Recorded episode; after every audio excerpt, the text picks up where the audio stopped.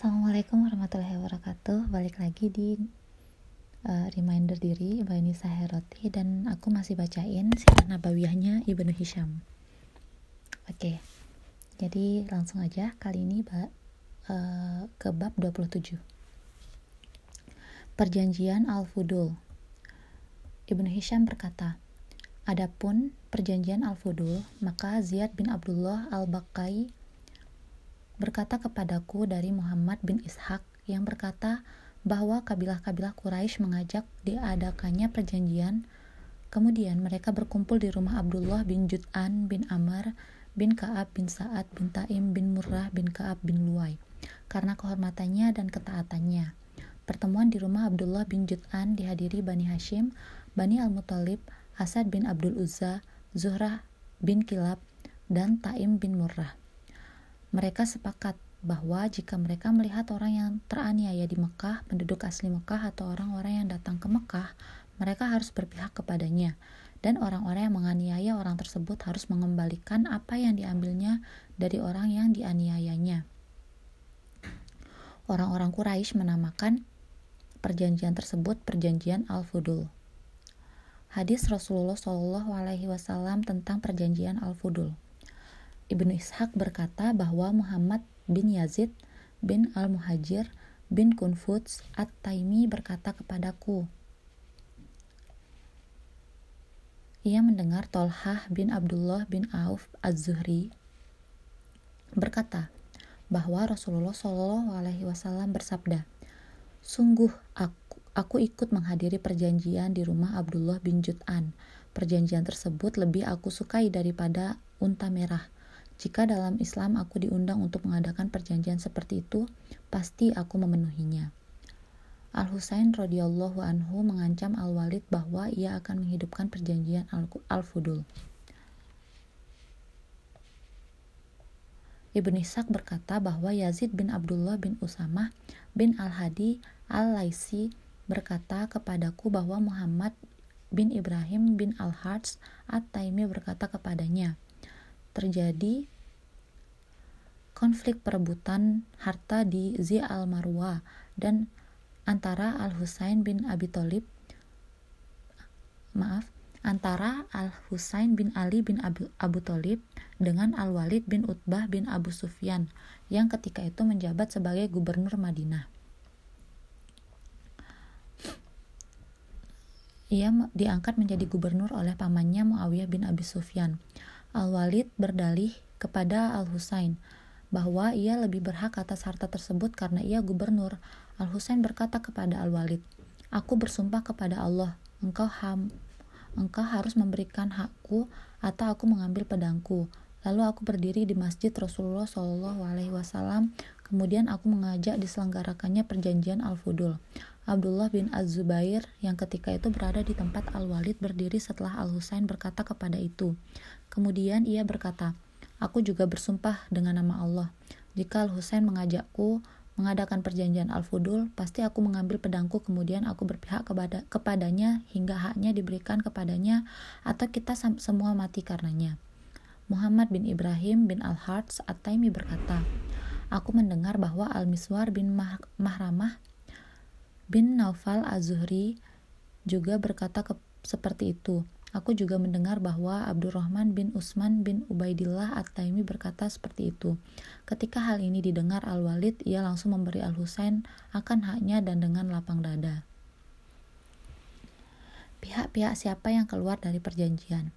Ibnu Ishaq berkata bahwa Yazid bin Abdullah bin Usamah bin Al-Hadi Al-Laisi berkata kepadaku dari Muhammad bin, Ab bin Ibrahim Ib maaf kepada berkata kepadaku dari Muhammad bin Ibrahim bin Al-Harts At-Taimi yang berkata bahwa Muhammad bin Jubair bin Mut'im bin Adi bin Naufal bin Abdul Manaf, seorang terpandai di Quraisy, datang kepada Abdul Malik bin Marwan bin Al-Hakam setelah Abdullah bin Az-Zubair terbunuh dan manusia berkumpul di tempat Abdul Malik bin Marwan. Ketika Muhammad bin Jubair telah masuk Abdul Malik bin Marwan berkata kepadanya, Hai Abu Said, bukankah kami dan kalian, Bani Abdul Syam bin Abdul Manaf serta Bani Naufal bin Abdul Manaf ikut perjanjian Al-Fudul? Muhammad bin Jubair berkata, engkau lebih tahu tentang masalah tersebut. Abdul Malik berkata, engkau harus menjelaskan masalah ini dengan jujur, hai Abu Said. Muhammad bin Jubair berkata, Demi Allah, kami dan kalian telah keluar dari perjanjian tersebut. Abdul Malik berkata, engkau benar. Hashim bin Abdul Manaf menjamu jamaah haji dan memberi minum kepada mereka. Ibnu Ishaq berkata, kemudian tugas pemberian minum kepada jamaah haji dan penjamuan mereka dijalankan Hashim bin Abdul Manaf. Sebabnya, karena Abu Syam adalah pengembara dan jarang sekali berada di Mekah. Ia miskin dan anaknya banyak. Menurut banyak orang, jika musim haji tiba, Abdul Syam berdiri di hadapan orang-orang Quraisy kemudian berkata kepada mereka, "Hai orang-orang Quraisy, Sesungguhnya kalian adalah tetangga-tetangga Allah dan dan penjaga rumahnya. Pada musim ini akan datang kepada kalian tamu-tamu Allah dan jamaah haji. Mereka tamu-tamu Allah. Tamu yang harus dihormati adalah mereka. Oleh karena itu, siapkan makanan untuk mereka karena mereka harus menetap di Mekah. Demi Allah, jika aku mempunyai banyak uang, aku tidak akan membebani kalian. Kemudian orang-orang Quraisy mengeluarkan sebagian harta mereka sesuai dengan kemampuannya masing-masing. Uang yang terkumpul dibuat untuk menyiapkan makanan bagi orang-orang haji hingga mereka meninggalkan Mekah. Di antara peninggalan Hashim bin Abdul Manaf. Menurut para ulama, Hashim adalah orang yang pertama meletakkan dua perjalanan bagi orang-orang Quraisy, perjalanan di musim dingin dan perjalanan di musim panas. Ia juga yang pertama yang memberi sarit roti yang diremuk dan direndam dalam kuah kepada jamaah haji di Mekah. Nama asli Hashim adalah Amr.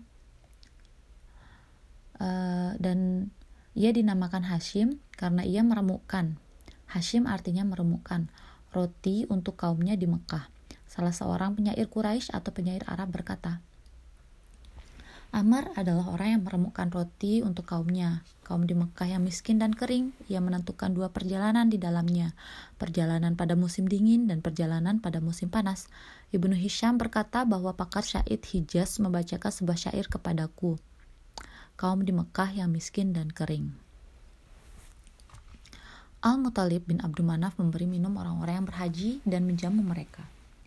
Ibnu Ishaq berkata, Hashim bin Abdul Manaf meninggal di Gaza, daerah di Syam ketika berdagang ke sana. Sepeninggal Hashim, tugas memberi minum kepada jemaah berhaji dan menjamu mereka diambil oleh diambil alih Al-Mutalib bin Abdul Manaf.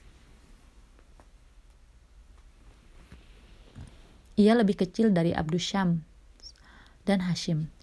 Al-Mutalib terhormat dan mulia di mata kaumnya. Orang-orang Quraisy menamakannya Al-Mutalib Al-Mutalib Al-Faudu karena kedermawanannya dan keutamaannya.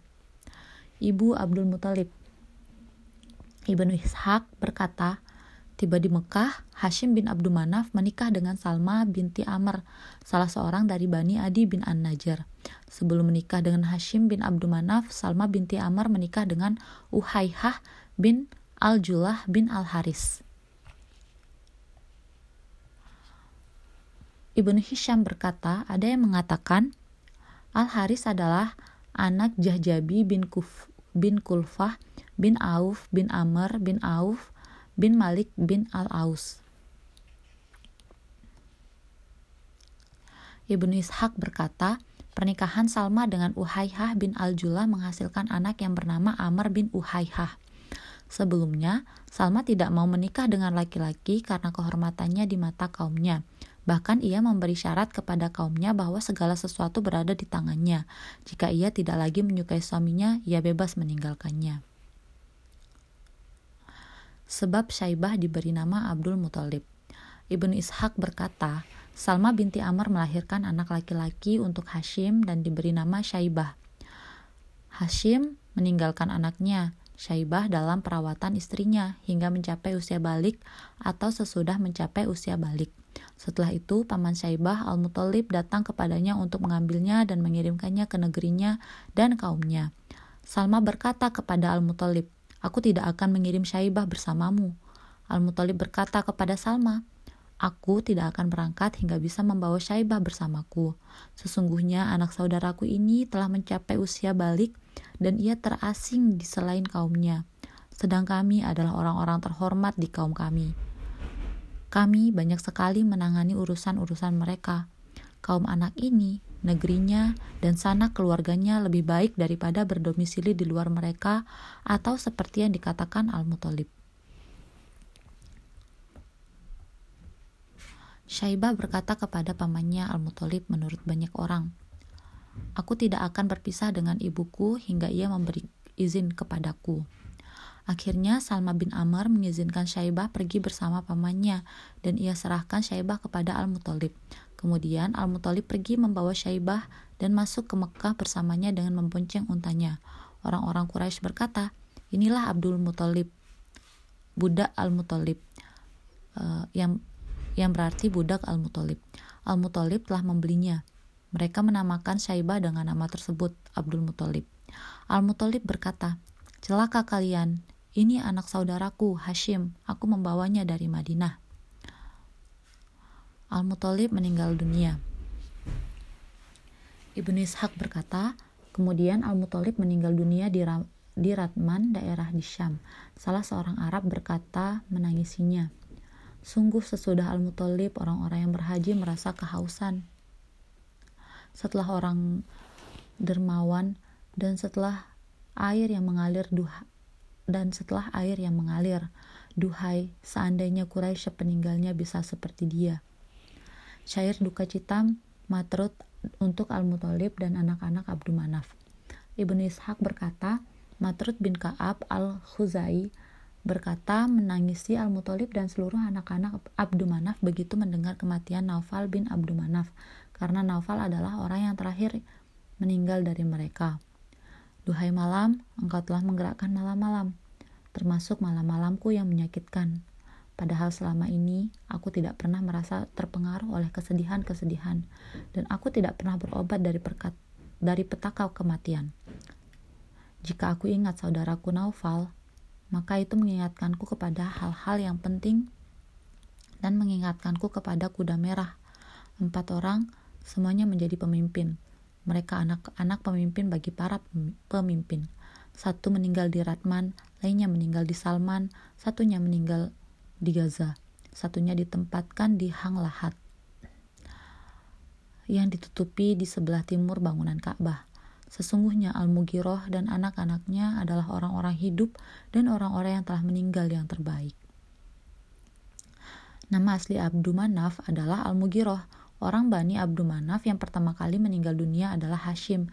Ia meninggal dunia di Gaza, daerah di Syam, sekarang masuk wilayah Palestina. Kemudian Abdul Syam yang meninggal di Mekah, kemudian Al-Muthalib di Ratman, daerah di Yaman, kemudian Naufal di Salman, daerah di Irak.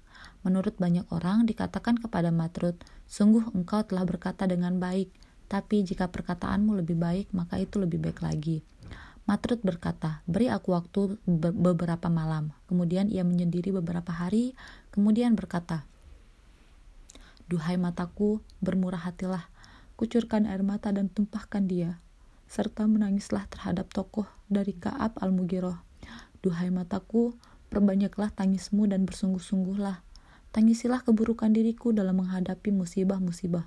Tangisilah orang-orang yang sangat dermawan, saudaraku yang, yang terpercaya yang banyak hidangannya dan melimpah pemberiannya, yang bersih pembawaannya dan bersemangat tinggi, yang kuat pendiriannya dan sungguh mengerjakan hal-hal penting, yang sulit ditembus, tidak mudah sakit dan tidak takut, yang mewujudkan tekadnya. Ia bak burung elang di tengah-tengah Kaab.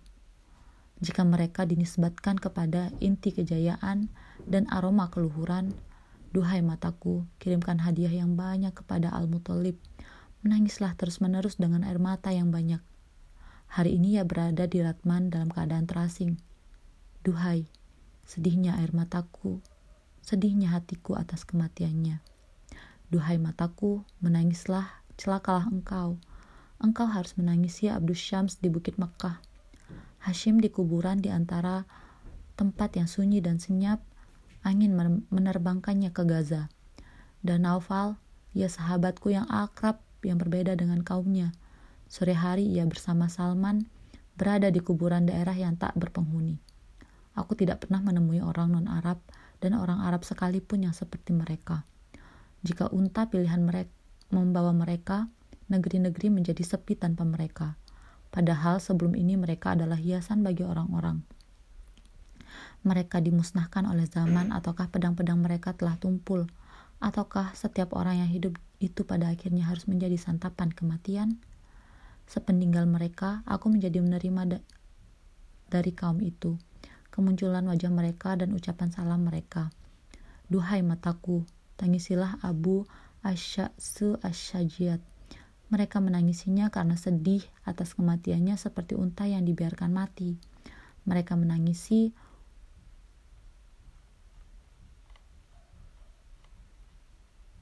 Mereka menangisi orang mulia yang berjalan di atas kakinya. Mereka meratapinya dengan kucuran air mata setelah tetesan air mata. Mereka menangisi orang yang panjang depannya yang mempunyai tempat air yang memancar yang pantang menzalimi orang lain dan dermawan dengan pemberian.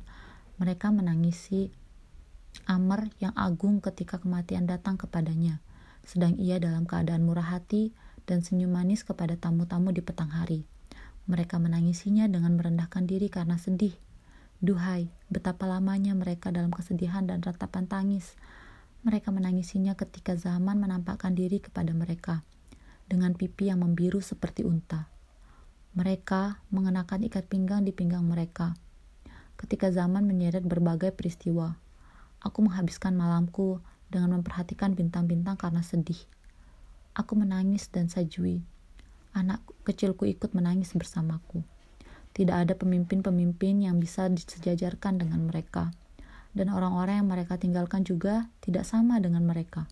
Anak-anak mereka adalah anak-anak terbaik dan jiwa mereka adalah jiwa terbaik dalam menggapai dalam menggapai cita-cita. Betapa seringnya mereka menghadiahkan kuda jantan yang kencang larinya dan sigap dan sigap, kuda betina yang cepat larinya di kalangan kuda-kuda betina. Pedang-pedang asli dari India, tombak-tombak panjang seperti tali sumur yang panjang, dan pelayan-pelayan yang lebih diutamakan diberikan kepada mereka. Ketika ia diminta untuk memberikan sesuatu jika dan orang lain ikut menghitung bersamaku hasil kerja mereka, maka aku tidak akan bisa menghitung semua hasil kerja mereka. Mereka adalah penunjuk jalan dan kaum yang berharga dan kaum yang berbangga diri dengan nasab yang paling bersih. Mereka adalah hiasan rumah-rumah yang mereka tempati. Namun rumah-rumah tersebut kini menjadi jalang dan lengang. Aku berkata, sedang mataku menaikkan, menitikkan air matanya. Allah tidak akan menjauhkan pemilik-pemilik karya nyata.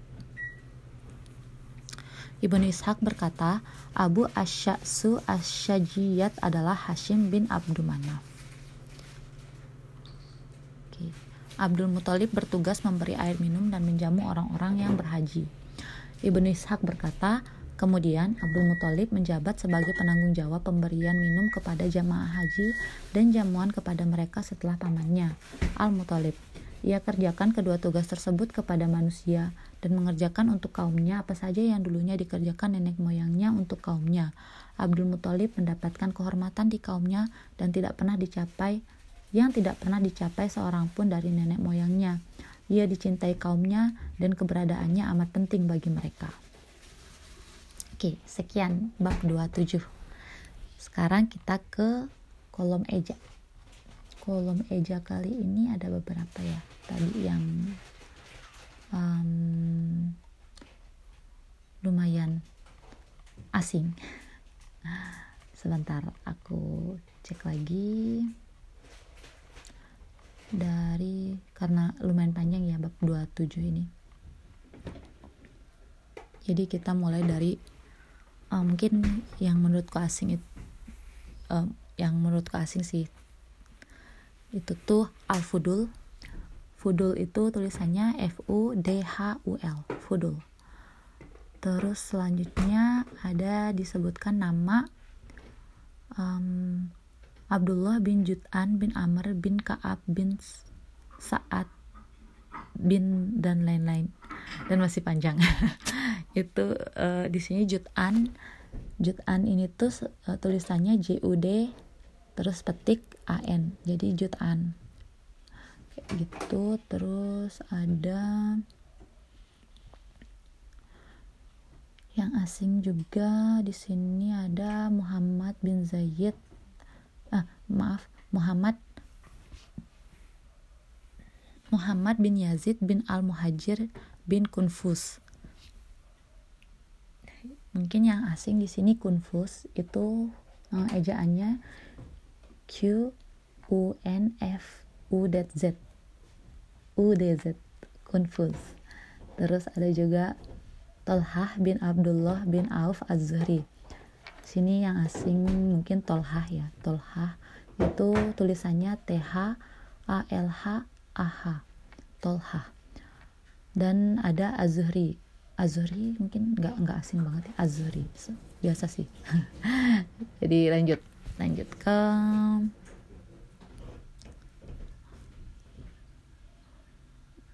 hmm, mana ya tadi? Oh ini. Nama Usai Usama bin Al Hadi Al Laisi di sini Al Laisi itu uh, tulisannya L A I T S I Lais Al Laisi gitu. Terus ada uh, Muhammad bin Ibrahim bin Al Harts At Taimi ini yang asing mungkin Al Harts ya. Al Harts ini tulisannya A L H A R T S. Oh oh iya pernah aku sebutin di bab se uh, sebelumnya ya maaf oke jadi ke ini. Ada tadi Zi al Marwa itu uh, disebutinnya yang terjadi konflik perebutan harta di Zi al Marwa nah ini nama tempat kayaknya ya. Ini uh, itunya ejaannya D Z I A L M A R W A. Zi al Marwa oke kita lanjut lagi Eh, selanjutnya adalah nama tokoh Al-Miswar bin Mahramah. Di sini yang asing mungkin Mahramahnya itu tulisannya M A K H R A M A H Mahramah. Terus selanjutnya hmm,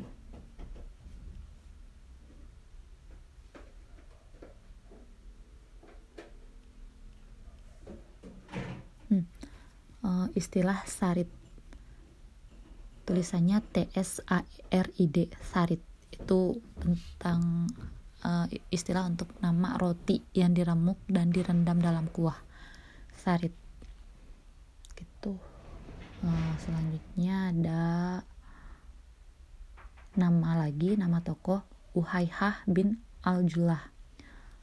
Uhaihah kedengeran kalau misalnya nggak nggak terlalu jelas kedengerannya ya. Kalau kedengeran jelas kayaknya nggak perlu dieja tapi mungkin uh, kalau misalnya nggak jelas itu ejaannya uha a i h a h uhaihah gitu. Terus ada juga al haris uh, anak jahjabi bin kulfah. Nah jahjabi jahjabi ini j h j a h j a b i. Gitu Jahjabi terus lanjut. Selanjutnya adalah aduh panjang. Ah tadi ada Abu Asyatsu Asajiyat. Abu Asyatsu Asajiyat maaf. Abu Asyatsu Asajiyat. Itu aku bacain ejaannya a abu. Abunya biasa abu. Asyatsu asyatsu asyatsu. As a s y. S y a. T s u. Asyatsu. Asyajiyat. Uh, itu juga a s y. S y a j i y y a t. Asasyu asyatsu asyajiyat. Gitu. Oh lumayan susah sih ini. Hmm ya. yeah mungkin itu aja untuk kolom eja di bab 27 uh, eh, selanjutnya akan lang lanjut ke bab 28 sampai ketemu di uh, audiobook selanjutnya kalau misalnya ada kekurangan dan kesalahan itu semua dari saya dan bila ada kebaikan semuanya berasal dari Allah Subhanahu wa taala. Oke, Sekian. Allahumma shalli ala Muhammad wa ala ali Muhammad. Assalamualaikum warahmatullahi wabarakatuh.